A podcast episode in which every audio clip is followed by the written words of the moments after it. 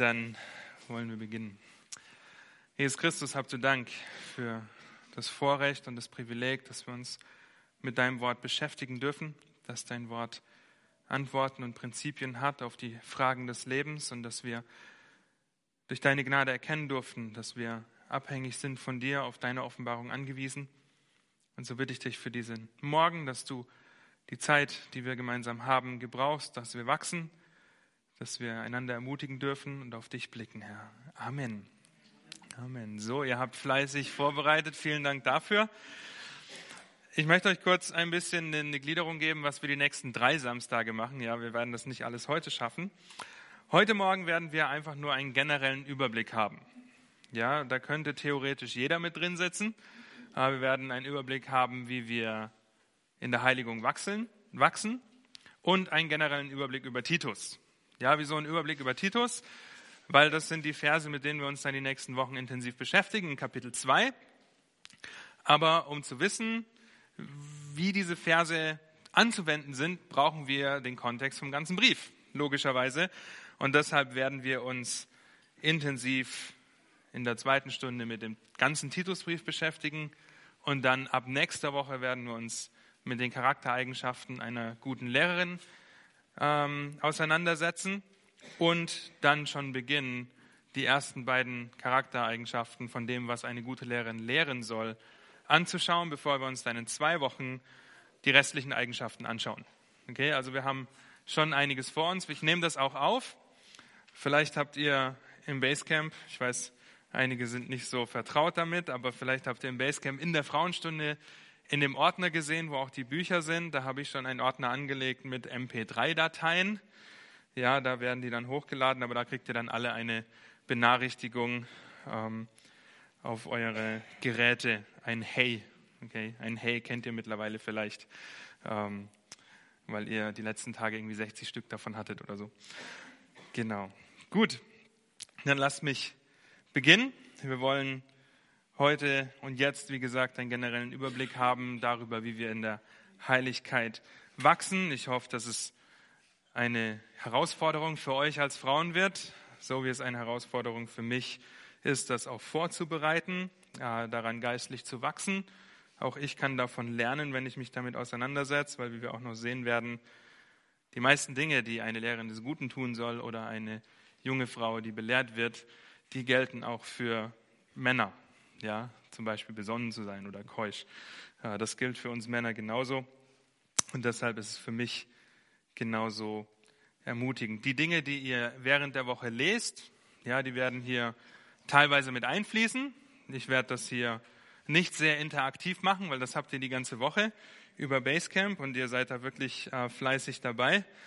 Jetzt gestern hat man sich schon fast tot gescrollt, als man bis ganz nach unten wollte. Ja, ähm, da gibt es später auch nochmal eine kurze Info, wie das nächste Woche läuft, dass das eben nicht der Fall ist.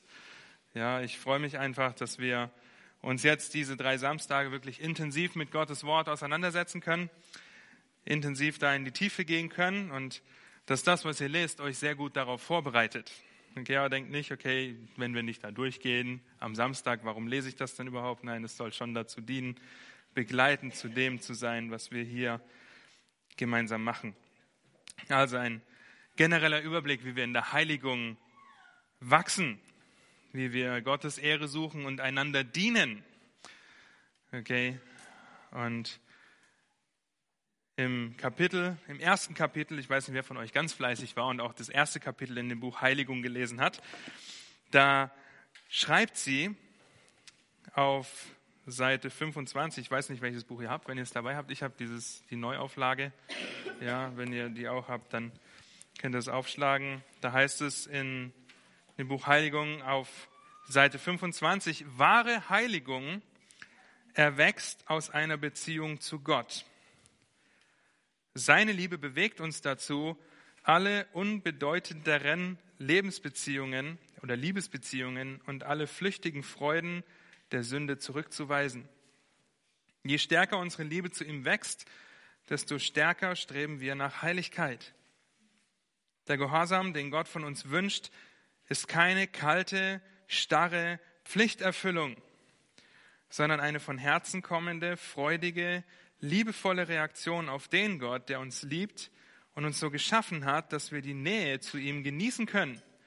Gehorsam entspringt einem Herzen, das zutiefst dankbar ist für die Rettung von der Macht der Sünde.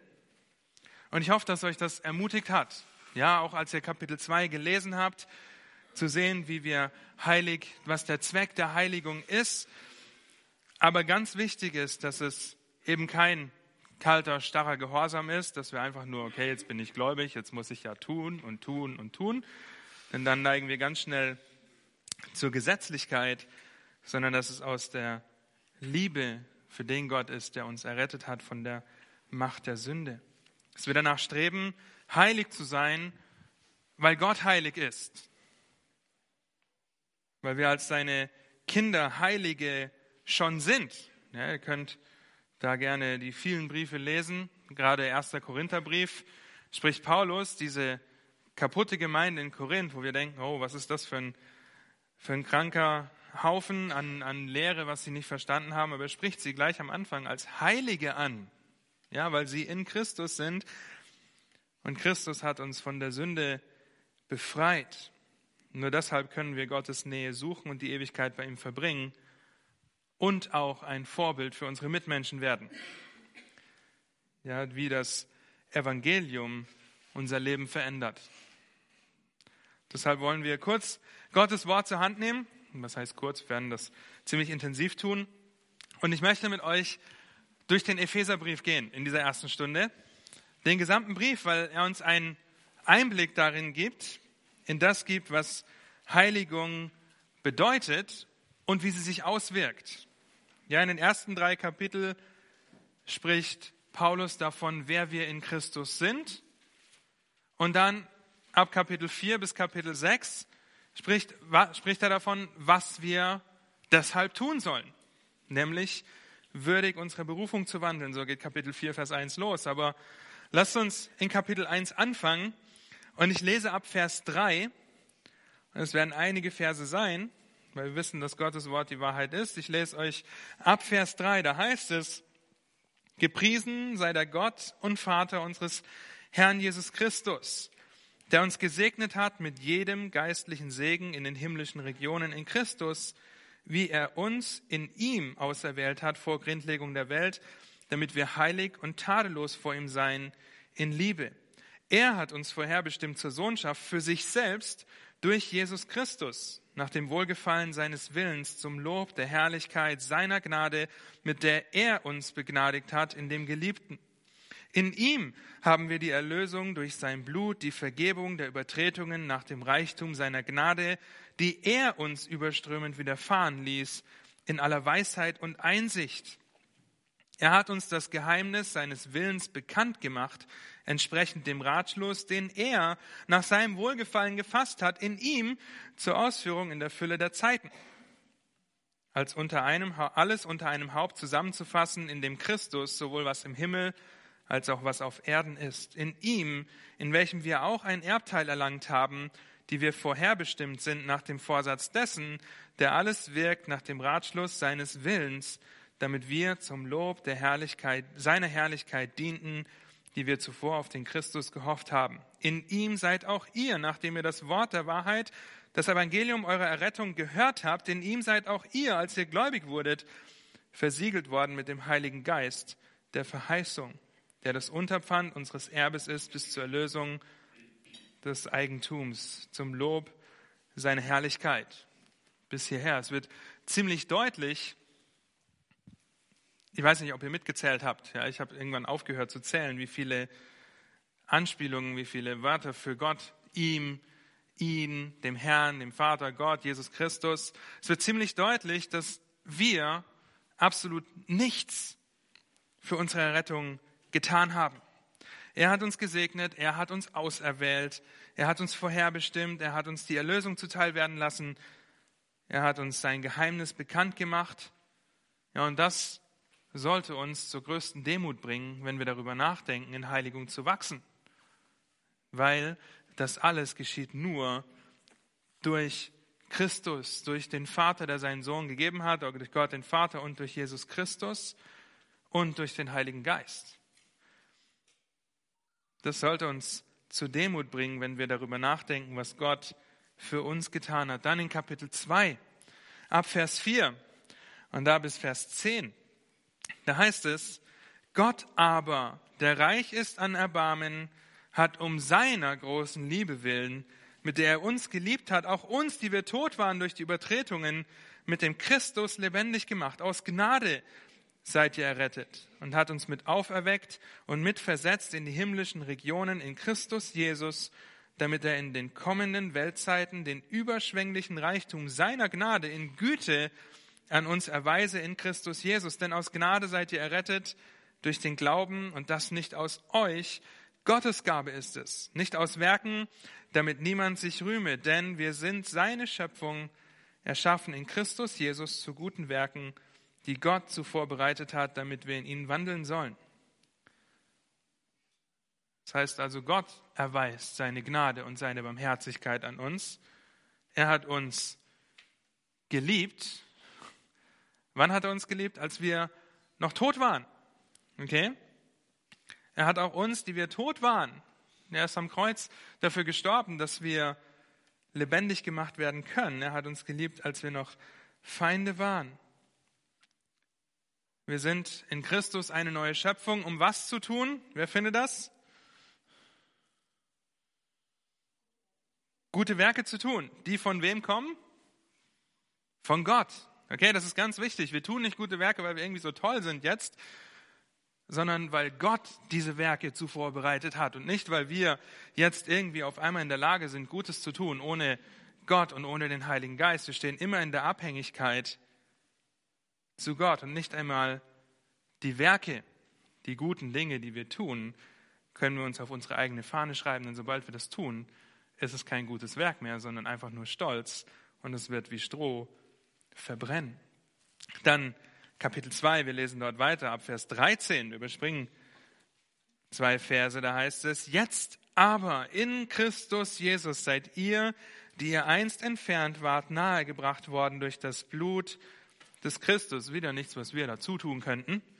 Denn er ist unser Friede, der aus beiden eins macht und die Scheidewand des Zaunes abgebrochen hat, indem er in seinem Fleisch die Feindschaft das Gesetz der Gebote in Satzungen hinwegtat, um die zwei in sich selbst zu einem neuen Menschen zu schaffen und Frieden zu stiften, um die beiden in einem Leib mit Gott zu versöhnen durch das Kreuz, nachdem er durch dasselbe die Feindschaft getötet hatte. Und er kam und verkündigte Frieden euch, den Fernen und den Nahen, denn durch ihn haben wir beide den Zutritt zu dem Vater in Christus Jesus, dem, in einem Geist. Ja, ist einfach wunderbar, das zu sehen. Schon wieder finden wir nichts, was wir aus uns selbst tun könnten, außer dass wir tote Feinde waren.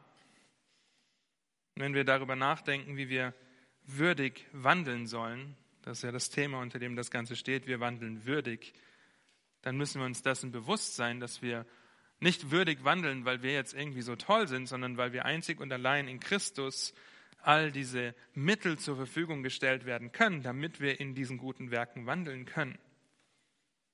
Ist einzig und allein durch Gottes Gnade, durch seine Barmherzigkeit, dass wir errettet wurden. Und da würden die meisten Christen, selbst Leute, die nicht wirklich glauben, weil sie zum Beispiel in der katholischen Kirche sind, würden sagen, ja, wir sind aus Gnade und Barmherzigkeit gerettet. Aber da hört es ja nicht auf. Denn dann heißt es, okay, wir sind vielleicht durch Gnade gerettet und jetzt müssen wir gute Werke tun, damit wir uns die Gnade auch behalten können. Ja, aber das schreibt Paulus hier nicht. Paulus sagt, dass es nicht nur einzig und allein durch Gottes Gnade ist, dass wir errettet werden, sondern es ist auch einzig und allein durch Gottes Gnade, dass wir würdig wandeln, weil jedes gute Werk von Gott zuvor bereitet wurde.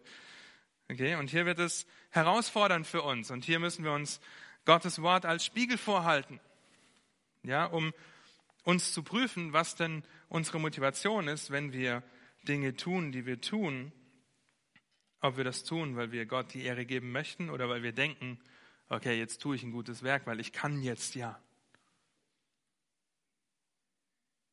Einige haben im Austausch geschrieben, und das hat mich sehr ermutigt, dass es ein täglicher Kampf ist, den wir jeden Tag kämpfen. Ich denke, das stimmt hier alle zu. Der beim Aufstehen beginnt und keine Waffenruhe kennt. Okay, wir müssen uns ständig daran erinnern, wer wir in Christus sind. Aber wenn wir nicht verstehen, dass es einzig und allein deshalb möglich ist, diesen Kampf zu kämpfen, weil Gott uns errettet hat und diesen Kampf selbst schon für uns gekämpft hat und schon alles vorbereitet hat für diesen Kampf für uns, dann werden wir sehr schnell dazu tendieren, in die Gesetzlichkeit zu verfallen.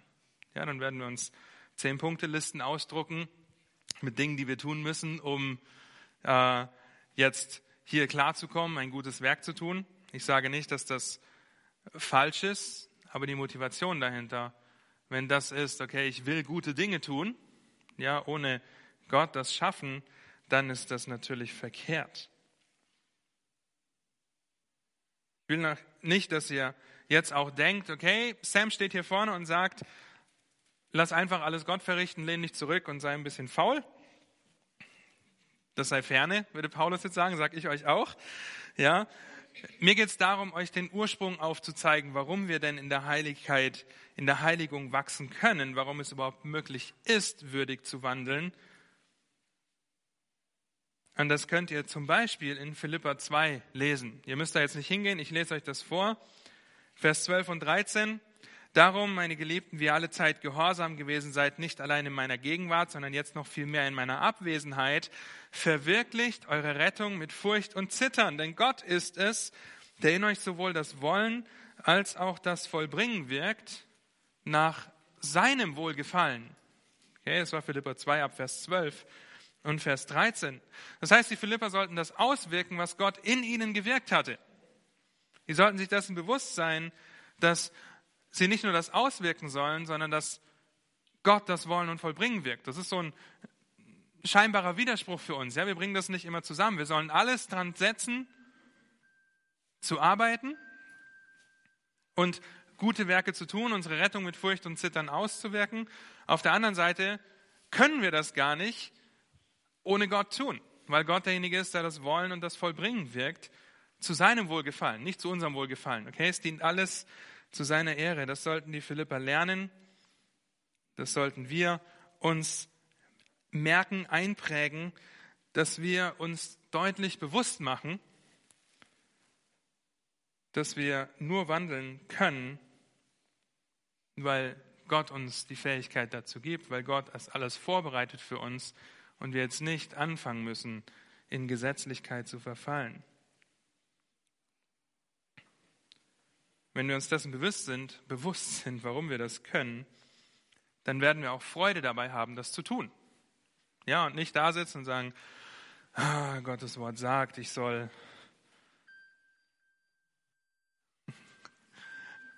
Irgendwann sucht Svenja, glaube ich. Gideon, irgendjemand sucht Gideon. Okay. Das heißt, wir dürfen uns dessen bewusst sein, dass es nicht darum geht, einfach nur stoisch Gesetze zu erfüllen, sondern was sagt Jesus? Wer mich liebt, der hält meine Gebote. Okay? Wir, wir bringen zum Ausdruck, dass wir dankbar dafür sind, was er für uns getan hat, damit oder durch das, dass wir würdig wandeln. Und Paulus macht das im Epheserbrief so, dass er eben den Ephesern erst aufzeigt in den ersten drei Kapiteln, wer wir in Christus sind. Ja, hätte er gleich mit Kapitel 4 angefangen. Wandelt würdig eurer Berufung. Jetzt gebe ich euch eine Liste, was ihr alles machen müsst. Okay? Um das auszuleben. Aber er zeigt vorher auf, wer wir in Christus sind, was Christus für uns getan hat und was wir deshalb tun dürfen und auch in der Lage sind zu tun. Ja, im, äh, es heißt die Indikative des Evangeliums und die Imperative des Evangeliums. Okay, das ist ein bisschen kompliziert. Indikative ist einfach, wer wir in jemandem sind. Was sind die Indizien dafür, dass ich in Christus bin? Und die Imperative ist einfach ein Befehl. Befehl heißt einfach Befehl. Die Imperative des Evangeliums. Ja, es gehört immer zusammen, auch wenn es von Gott kommt. Ja, das ist dasselbe, wenn wir von der Erwählung sprechen, von der Errettung sprechen. Wir verstehen, wir werden das nie in unseren Köpfen so zusammenbringen, aber das macht auch nichts. Dann wäre Gott nicht mehr Gott. Ja, wenn wir jetzt sagen würden, Gott erwählt vor Grundlegung der Welt, aber der Mensch muss Buße tun. Wie passt das? Ja, in, unser, in unseren Köpfen kriegen wir das sehr schwer zusammen.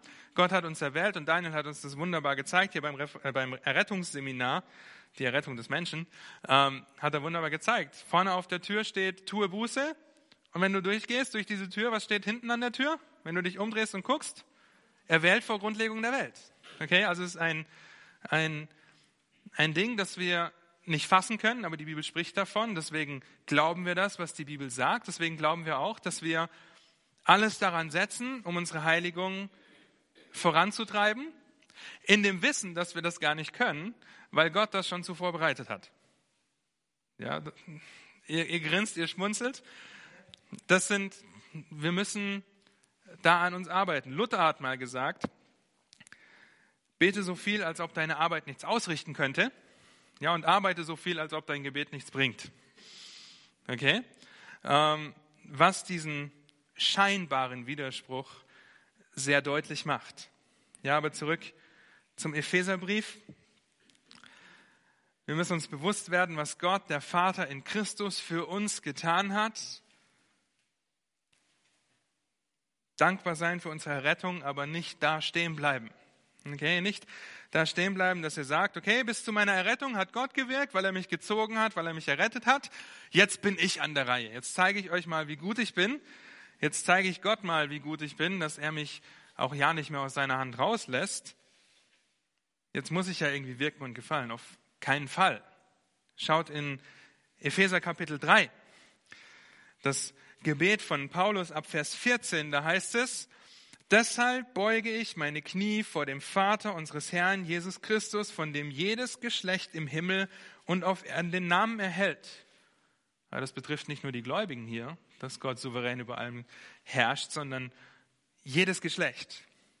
Dass er euch nach dem Reichtum seiner Herrlichkeit gebe, durch seinen Geist mit Kraft gestärkt zu werden an dem inneren Menschen, dass der Christus durch den Glauben in euren Herzen wohne, damit ihr in Liebe gewurzelt und gegründet dazu fähig seid, mit allen Heiligen zu begreifen, was die Breite, die Länge, die Tiefe und die Höhe sei und die Liebe des Christus zu erkennen, die doch alle Erkenntnis übersteigt, damit ihr erfüllt werdet bis zur ganzen Fülle Gottes. Paulus macht hier sehr deutlich, worum es ihm geht, nämlich nicht, jetzt tut mal so viel ihr könnt, dass ihr das begreift, wir können nicht verstehen, wir können die Liebe Gottes niemals begreifen, sondern er betet,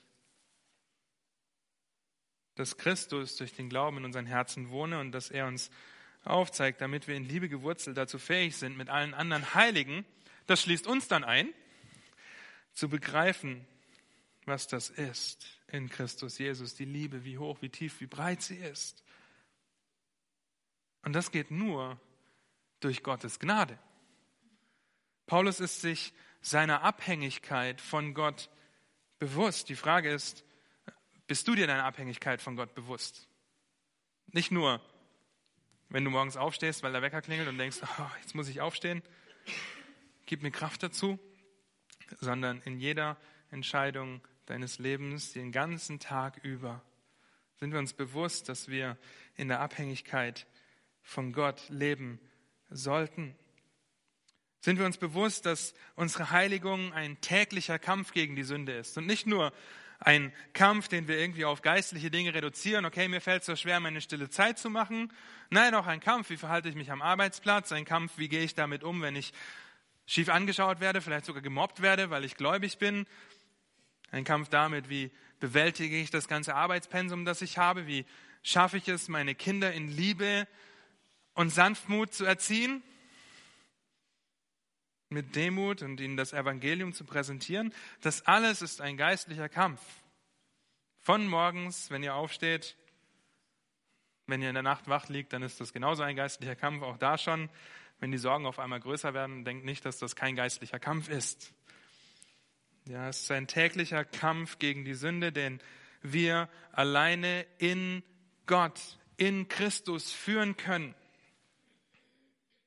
Paulus macht das in den ersten drei Kapiteln sehr, sehr deutlich. Und dann kommt er zu Kapitel 4 und leitet mit den wichtigen Worten ein, Parakalo un. Das ist jetzt nicht in Zungen gesprochen, das war griechisch. Das war in Zungen gesprochen, richtig? Ich habe es euch aber auch gleich ausgelegt.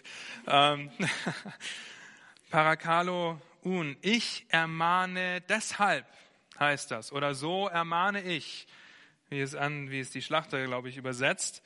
Ja, aber ich ermahne deshalb ist, wie er wortwörtlich schreibt. Parakaleo kennt ihr, hoffentlich mittlerweile, wenn ihr schon lang, länger in die Gemeinde kommt, dann habt ihr das aus meinem Mund schon häufig gehört. Parakaleo bedeutet ermahnen, ermutigen, zur Seite kommen, trösten. Der Heilige Geist wird als der Paraklet bezeichnet, der Tröster, der für uns einsteht, unser Beistand. Und das tut Paulus. Er kommt jetzt und zeigt ihnen, okay, hier sind wir in Christus und deshalb kommt mal mit. Ich zeige euch jetzt, wie es weitergeht. Ja, ich zeige euch jetzt, ich ermahne euch jetzt, ich ermutige euch jetzt, würdig zu wandeln. Das kleine Wort un, was in der Schlachter mit so übersetzt wird, kann auch deshalb bedeuten oder folglich oder darum. Und das macht es deutlich, dass Kapitel 4 immer im Zusammenhang von Kapitel 1 bis 3 betrachtet werden muss. Dass wir uns dessen bewusst sein müssen. Ja, wir können nicht einfach zu Kapitel 4 springen und sagen, okay, jetzt lege ich die Lüge ab. Jetzt höre ich auf zu stehlen. Jetzt werde ich nicht mehr zornig.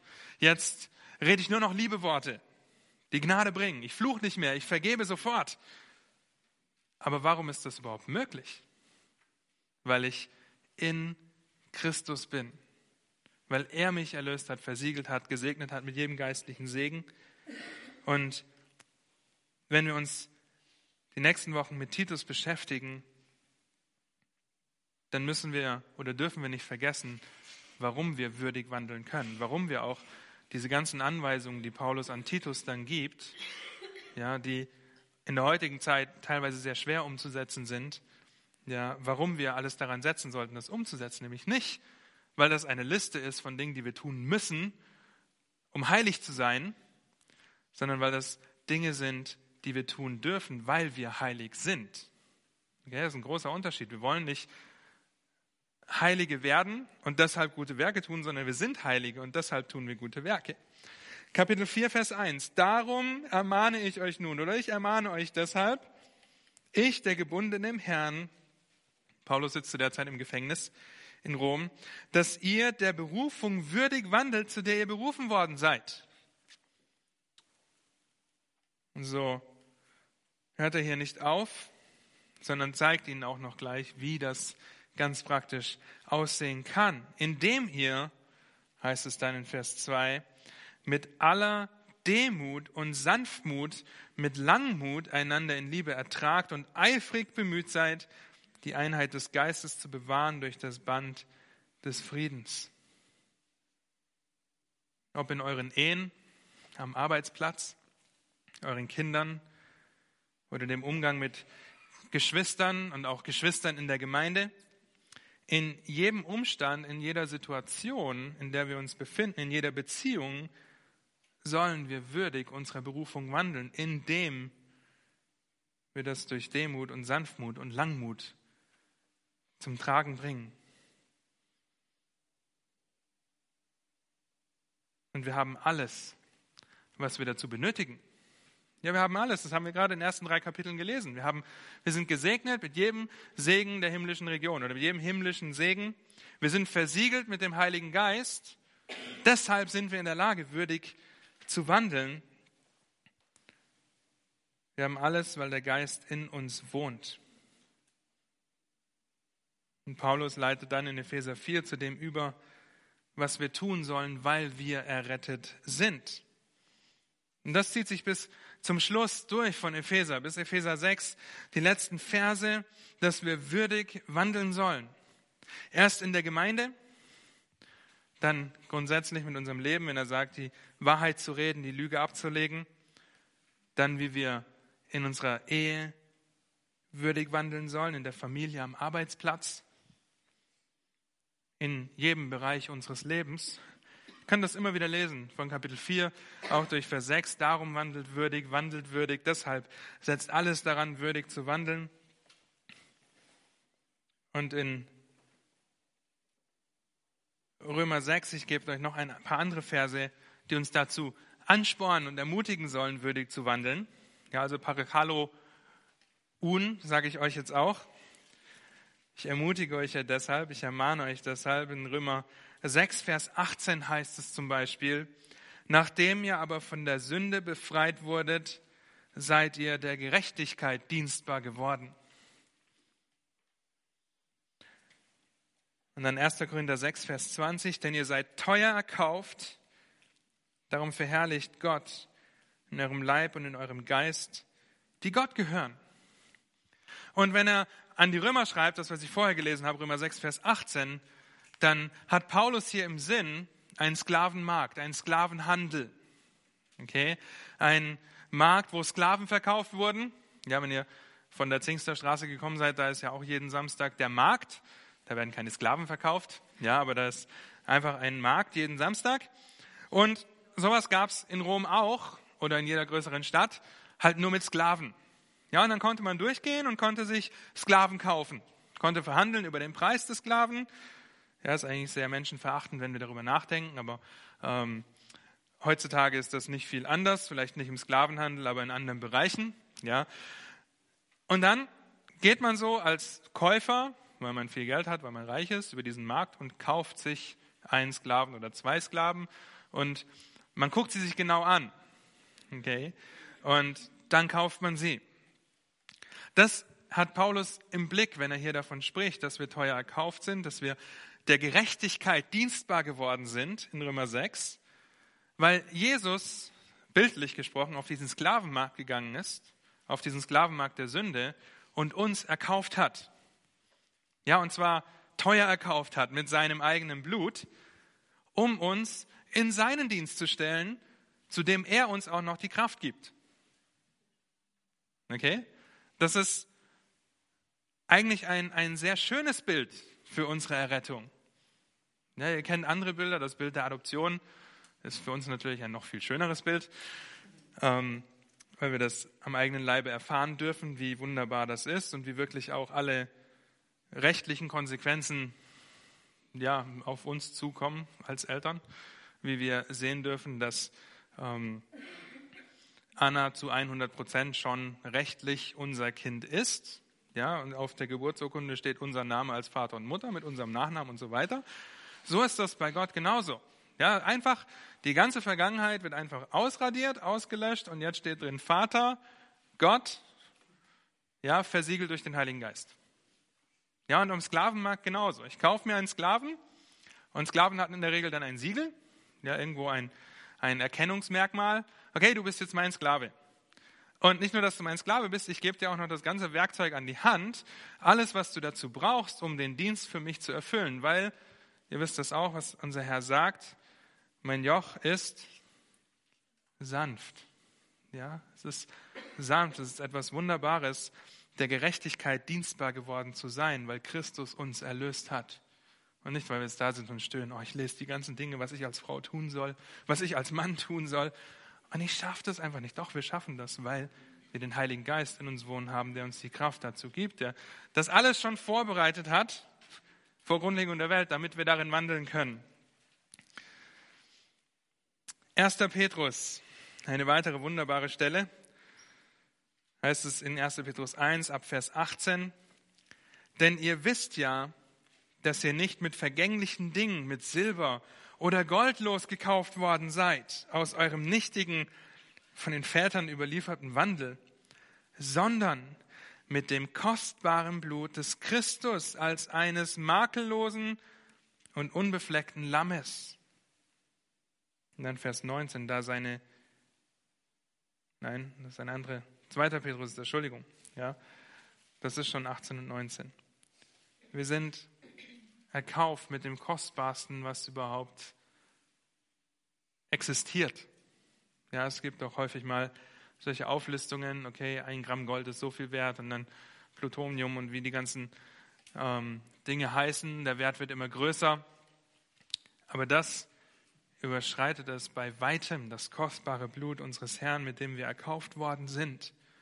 Ja, und Petrus hat hier den gleichen Hintergrund im Kopf, wenn er vom Erkauft-Reden spricht, vom Erkauft-Werden spricht.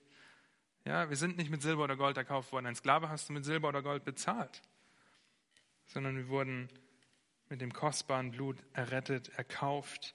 2. Petrus, Kapitel 1, Abvers 3, da heißt es, da seine göttliche Kraft uns alles geschenkt hat, was zum Leben und zum Wandel in Gottesfurcht dient, durch die Erkenntnis dessen, der uns berufen hat, durch seine Herrlichkeit und Tugend, durch welche er uns die überaus großen und kostbaren Verheißungen gegeben hat, damit ihr durch dieselben göttliche Natur teilhaftig werdet, nachdem ihr dem Verderben entfloht seid, das durch die Begierde in der Welt herrscht, so setzt eben deshalb allen Eifer daran und reicht in eurem Glauben die Tugend dar, in der Tugend aber die Erkenntnis, in der Erkenntnis aber die Selbstbeherrschung, in der Selbstbeherrschung aber das standhafte Ausharren, im standhaften Ausharren aber die Gottesfurcht, in der Gottesfurcht aber die Bruderliebe, in der Bruderliebe aber die Liebe. Was für ein Satz. Das war ein Satz von Petrus.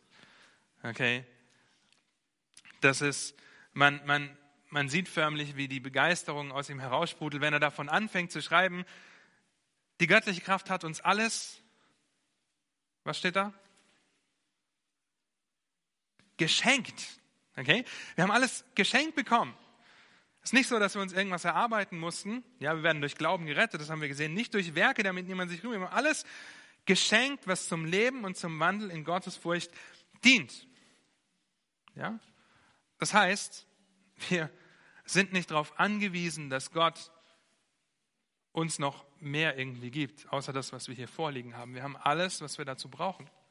Ja, Gott spricht nicht durch Träume, Gott spricht nicht durch Heilung, durch irgendwelche Visionen. Das macht er nicht mehr, weil sein Wort völlig ausreichend ist. Völlig. Wir haben alles geschenkt bekommen, was wir zu einem Leben und zum Wandel in Gottes Furcht brauchen.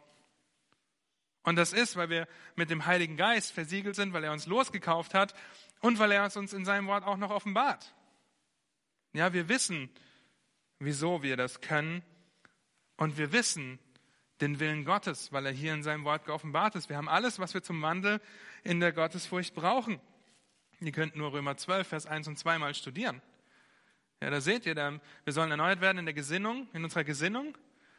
Damit wir was? Damit wir prüfen können, was der wohlgefällige, vollkommene und, was ist das letzte Wort? Der gute Wille Gottes des Vaters ist. Okay? Wäre Gottes Wort nicht ausreichend dafür, könnten wir nicht den vollkommenen und den wohlgefälligen Willen Gottes herausfinden.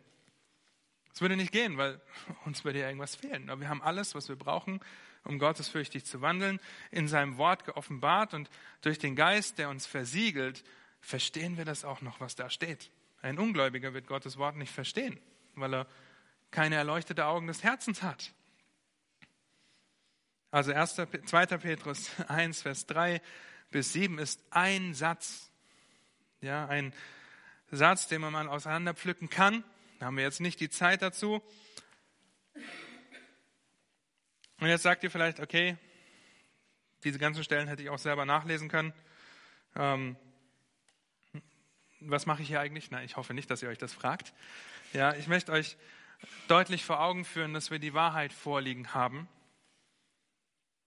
dass selbst ein Mann in Gottes Wort herausfinden kann, was Gottes Absicht, Gottes Prinzipien für Frauen sind, um würdig ihre Berufung wandeln zu können. Okay? Ich weiß, dass ich nicht die Erfahrung gemacht habe einer Frau, Ja, ich weiß, dass ich bestimmt nicht alle Kämpfe durchmache, die ihr durchmacht. Ja, aber wenn ihr euch umschaut, dann wird keiner dieselben Kämpfe durchmachen, die ihr durchmacht. Ja, weil Gott uns unterschiedlich geschaffen hat. Aber ich weiß auch, dass das hier unveränderlich ist. Okay, und dass das die Wahrheit ist und dass wir das anwenden können auf jede Situation, in der wir stecken. Und wir können Prinzipien hier rausnehmen und Gottes Wort studieren und können lernen, wie wir uns ihm wohlgefällig verhalten können, weil wir alles geschenkt bekommen haben, was wir dazu brauchen. Ja, ich hoffe und ich möchte euch vor Augen halten, dass wir alle abhängige, anbetende Offenbarungsempfänger sind. Ja, das sind drei Worte, die ich gerne gebrauche. Das sind Dinge, die wir schon vor dem Sündenfall finden. Adam und Eva waren abhängig von Gott. Sie waren abhängig davon, was er ihnen sagt, dass sie tun sollen. Vor dem Sündenfall. Okay? Adam war im Garten und wusste nicht, was er machen sollte, bis Gott ihm gesagt hat, du wirst hier als Herrscher über diese Natur gesetzt, gib den Tieren Namen, kommt alles von Gott. Adam kommt nicht selber auf die Idee. Adam kommt nicht mal auf die Idee, dass er eine Frau braucht. Ja, wenn ihr den Text aufmerksam studiert, dann fällt es Adam gar nicht auf, sondern Gott sagt, der braucht eine Frau. Ja, und Adam checkt erst, was überhaupt passiert ist, als er wieder aufwacht und freut sich immens. Ja, und die ersten Worte, die Adam spricht, sind von großer Freude geprägt. Das ist endlich Fleisch von meinem Fleisch und Gebein von meinem Gebein. Ich möchte euch das vor Augen halten, dass wir auch heute noch abhängig sind von Gottes Offenbarung, die wir in seinem Wort finden, und dass wir alle Anbeter sind. Ja, und vielleicht werdet ihr in den nächsten Wochen herausgefordert, eure Anbetung zu überprüfen. Ich hoffe das, dass ihr euch prüft, ob ihr würdig des Evangeliums wandelt, mit dem ihr berufen worden seid. Ja, wir wollen ausschließlich auf Gottes Wort schauen, deswegen schauen wir uns auch so viele Stellen an. Denn alle Schrift ist von Gott eingegeben und nützlich zur Belehrung, zur Überführung, zur Zurechtweisung, zur Erziehung in der Gerechtigkeit. Wozu? Damit der Mensch Gottes, das seid ihr und ich, wir sind Menschen Gottes, wenn wir seine Kinder sind, ein bisschen zubereitet sei, zu manchen Werken nützlich. Okay? Nein, was steht da? Damit der Mensch Gottes ganz oder völlig, okay, komplett zubereitet sei und zu jedem guten Werk nützlich, zu jedem guten Werk völlig ausgerüstet, das gute Werk, das Gott zuvor bereitet hat, damit wir darin wandeln können. Okay, also ich möchte euch das vor Augen halten, dass wir völlig zugerüstet sind. Und wenn wir in Gottes Wort alles haben, dann reicht das völlig aus. Und Erfahrungen und Beobachtungen der Menschen können vielleicht hilfreich sein, aber sie sind nicht nötig. Sie sind nicht nötig, um den Mensch Gottes, eine Frau oder einen Mann, völlig zuzurüsten. Denn das allein kann Gottes Wort. Ja, ihr müsst nicht erst in eine Disco gehen, um zu wissen, wie ihr Leute evangelisieren könnt, die in die Disco gehen. Ich muss nicht erst zur Frau werden, um zu wissen, wie ich euch Prinzipien aus Gottes Wort für eine Frau an die Hand legen kann. Unsere Erfahrungen und Beobachtungen, die mögen nützlich sein. Wir lernen sehr viel von weisen Geschwistern, ja, gerade auch von den älteren Frauen, wenn ihr eine Lehrerin des Guten habt in eurem Leben, dann hilft das, zu sehen, okay, wie wendest du das an in deinem Leben? Aber das ist nicht das, was wir brauchen. Wir brauchen Gottes Wort und das kann eine Hilfe sein, aber ist nicht nötig, um uns völlig zuzurüsten, damit wir Gott die Ehre geben. Unsere Heiligung geschieht also allein durch Gottes Gnade und seine Barmherzigkeit. Lasst uns dessen bewusst sein, wenn wir danach streben, in der Heiligung zu wachsen, dann werden wir somit automatisch danach streben, das zu tun, was Gott zuvor bereitet hat und danach streben, ihm die Ehre zu geben. Wir suchen Gottes Ehre. Es ist eben nicht alles einfach sein zu lassen, sich zurückzulehnen und sagen, ja, Gott macht das schon, sondern alles daran zu setzen, das umzusetzen, was Gott in uns gewirkt hat. Noch einmal Luther. Ich mag Luther in dem Bereich. Er sagt, Zitat, Gott sorgt, aber wir sollen arbeiten. Ja, Gott sorgt, aber wir sollen arbeiten. Unser Ziel ist es, Gott die Ehre zu geben. Gott die Ehre zu geben. 1. Korinther 10, Vers 31, diesen Vers kennt ihr, oder auch Matthäus 5, Vers 16, da sagt unser Herr, so soll euer Licht leuchten vor den Leuten, dass sie eure guten Werke sehen und euren Vater im Himmel preisen. Da steht nicht, dass ihr eure guten Werke sehen und vor euch niederfallen und euch sagen, wie toll ihr seid. Ja, nein, es geht um den Vater im Himmel, der gepriesen werden soll. Oder eine rhetorische Frage, die Paulus den Galatern stellt. Rede ich jetzt Menschen oder Gott zuliebe? Oder suche ich Menschen zu gefallen? Wenn ich allerdings Menschen noch gefallen würde, so wäre ich nicht ein Knecht des Christus.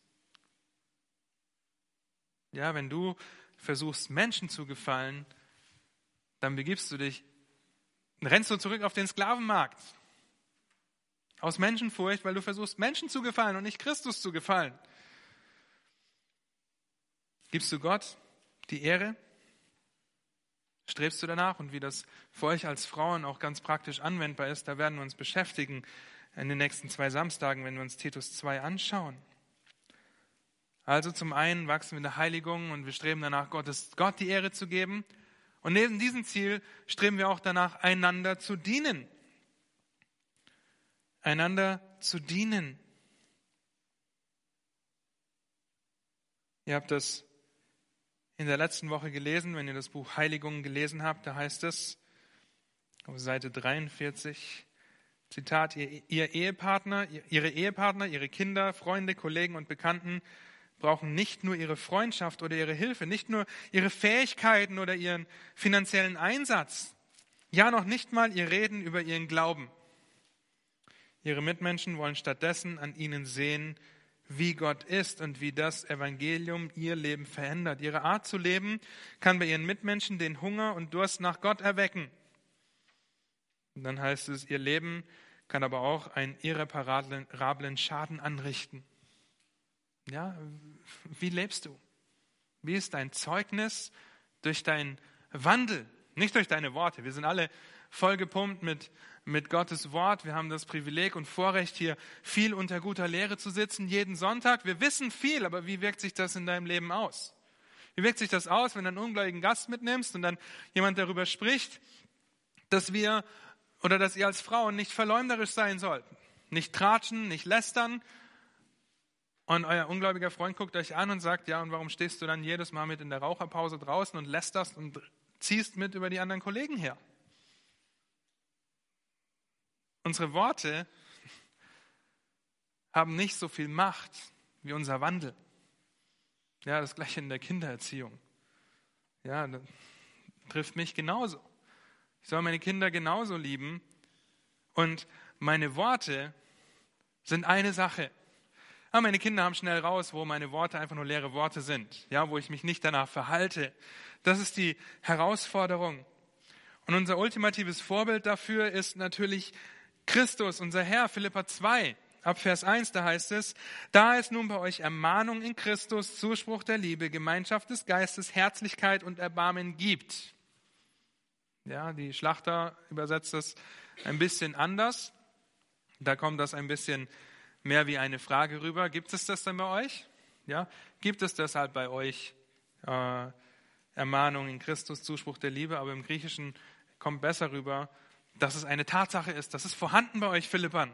Das ist vorhanden, weil ihr seid heilige Kinder Gottes. Deshalb ist das vorhanden. Da es das bei euch gibt, Macht meine Freude völlig, indem ihr eines Sinnes seid, gleiche Liebe habt, einmütig auf das eine bedacht seid.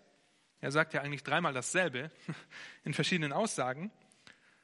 Tut nichts aus Selbstsucht oder nichtigem Ehrgeiz, sondern in Demut achte einer den anderen höher als sich selbst. Jeder schaue nicht auf das Seine, sondern auf das des anderen. Ihr wisst, dass hier nicht der Neid mit gemeint ist, auf das des anderen zu schauen und es gerne haben zu wollen, sondern was der andere nötig hat. Und dann Vers 5, ganz wichtig. Vers 5 geht los mit einem kleinen Wort, denn. Ja, warum sollen wir das alles tun? Denn ihr sollt so gesinnt sein, wie es Christus Jesus auch war. Wir sollen die gleichen Gedanken haben, die Christus Jesus auch hatte. Der in der Gestalt Gottes ist nicht wie ein Raub festhielt, Gott gleich zu sein, heißt es dann weiter, sondern er erniedrigte sich selbst. Wurde wie ein Mensch erfunden, noch niedriger, wurde als ein Sklave erfunden und war gehorsam bis zum Tod ja zum Tod am Kreuz. So sollen wir gesinnt sein. Das soll unsere Gesinnung sein, wenn wir einander dienen und dadurch auch in der Heiligung wachsen. Er ist unser Vorbild, wenn es darum geht, einander zu dienen. Oder nehmen wir die Gaben, mit denen wir begabt wurden. Pascal hat das ausgelegt und legt das gerade aus. 1. Korinther 12, Vers 7, da heißt es, jedem wird aber das offensichtliche Wirken des Geistes für sich selbst verliehen, dass es ihm selbst gut geht. Nein, das steht hier nicht. Ich weiß, ihr seid nicht so schnell in dem Aufschlagen.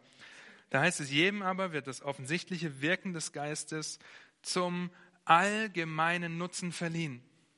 Ja, die Gabe, die dir der Geist gegeben hat, ist nicht dazu da, dass du dich in deinem Zimmer einschließt und diese Gabe dann auslebst, sondern ist zum allgemeinen Nutzen, dass wir alle davon profitieren. Weil Gott hat keinen Menschen in dieser Gemeinde gleich begabt. Ja, keine zwei Menschen haben die gleiche Begabung. Und das ist so wunderbar, dass wir uns so mit ergänzen dürfen, so toll, so ermutigend auch. Wir sollen uns in Demut einander unterordnen. Das schreibt Paulus in Epheser 5, bevor er die Frauen anspricht, dass sich ihren Männern unterordnen sollen, schreibt er, wir sollen einander in Demut unterordnen. Das gilt für jeden. Wir haben unterschiedliche Gaben. Keine zwei Frauen sind gleich. Das bedeutet gleichzeitig, dass wir uns nicht den Druck oder den Stress machen müssen, unbedingt so sein wie andere. Ja, vielleicht weil mir die Begabung besser gefällt, der kommt besser mit Menschen klar oder hält seinen Mund vielleicht häufiger. Ihr Lieben, wir sollen danach streben, nicht so zu werden wie andere Menschen um uns herum. Wir sollen danach streben, Christus ähnlicher zu werden. Okay, seine Gedanken mehr und mehr nachzudenken. Wir sind alle unterschiedlich begabt, wir sind alle in unterschiedliche Situationen gestellt. Ja, keine eurer Situationen ist dieselbe. Da ist eine Mutter, die hat einen ungläubigen Ehemann. Da ist eine Mutter, die hat vier Kinder, eine, die hat drei Kinder, eine, die hat ein Kind. Ja, der Mann ist gläubig, der Mann ist zu Hause, der Mann geht arbeiten, ist arbeitslos. Keine Situation gleich der anderen. Ja, wir müssen vorsichtig sein, dass wir Gottes Prinzipien anwenden und nicht sagen, okay, du musst so sein wie ich, dann wird das schon alles werden, weil das wird nicht so sein. In 1. Petrus 5, Vers 5 heißt es, Gott widersteht den Hochmütigen. Den Demütigen aber gibt er Gnade. So demütigt euch nun unter die gewaltige Hand Gottes. Wozu? Damit er euch erhöhe zu meiner Zeit. Steht das da? Nein, da steht zu seiner Zeit. Okay, manchmal passen uns Dinge nicht. Wir haben ganz gestern mit der Lüge beschäftigt im Hauskreis, dass wir glauben, dass Gott nicht gut sei oder nicht wirklich gut ist. Ja, weil wir immer denken, okay, er muss mich doch zu meiner Zeit erhöhen und nicht zu seiner Zeit. Es geschieht aber alles zu Gottes Zeit. Alle eure Sorgen werft auf ihn, denn er sorgt für euch. Nun, Gott widersteht den Hochmütigen. Ein Beispiel, meine Frau, ihr wisst das, hatte vor anderthalb Wochen einen Autounfall. Hier ist jemand hinten drauf gefahren und sie hat gemerkt, was es bedeutet, Widerstand zu leisten, äh, zu widerstehen. Sie stand, ein anderes Auto ist mit 50 oder 60 km hinten drauf gefahren. Unser Auto ist in der Werkstatt, das andere Auto ist Totalschaden, unser Auto ist ein wirtschaftlicher Totalschaden. Gott widersteht dem Stolzen. Ja, so wie wenn ein Auto gegen die Wand fährt, so wie wenn ein Auto in unser Auto hineinfährt, weil es steht. Nur mit dem Unterschied, dass Gott keinen Schaden davon nimmt. Ja, wenn wir, wenn er uns widersteht, weil wir hochmütig sind. Er nimmt keinen Schaden daran, in seiner Heiligkeit irgendwie eingeschränkt zu werden dadurch. Was Schaden nimmt, wenn wir stolz und hochmütig sind, ist, dass wir seine Macht, seine Stärke, seine Heiligkeit untergraben durch unser Zeugnis. Okay, aber wir beschneiden Gott nicht in seinen Eigenschaften dadurch, aber wir, wir versauen unser Zeugnis für ihn. Ja, wir sagen, wir sind gläubige Kinder Gottes und handeln stolz und hochmütig. Gott widersteht dem Stolzen, ja, dem Hochmütigen, dem Demütigen, aber gibt er Gnade. In der nächsten Stunde werden wir uns einen kurzen Überblick über Titus verschaffen. Ich möchte mit uns beten und dann werden wir in eine kurze Pause gehen, so zehn Minuten, bevor wir dann weitermachen. Lass mich beten. Jesus Christus, habt du Dank, dass du unser Ein und alles bist, wenn es darum geht, in der Heiligen zu wachsen. Herr, dass wir nicht nur errettet sind durch deine Gnade, sondern durch deine Gnade auch für jedes gute Werk völlig zugerüstet sind weil du diese Werke vorbereitet hast, weil wir das Wollen und Vollbringen von dir bekommen und deshalb unsere Errettung mit Furcht und Zittern auswirken können, deshalb würdig der Berufung wandeln dürfen. Habt du Dank dafür, dass wir dein Wort vorliegen haben, dass uns Anweisungen gibt, dass uns Anwendungen gibt, wie wir das umsetzen können, was du für uns getan hast. Herr, wir lieben dich und deshalb wollen wir deine Gebote halten, um ein Zeugnis für dich zu sein. Amen.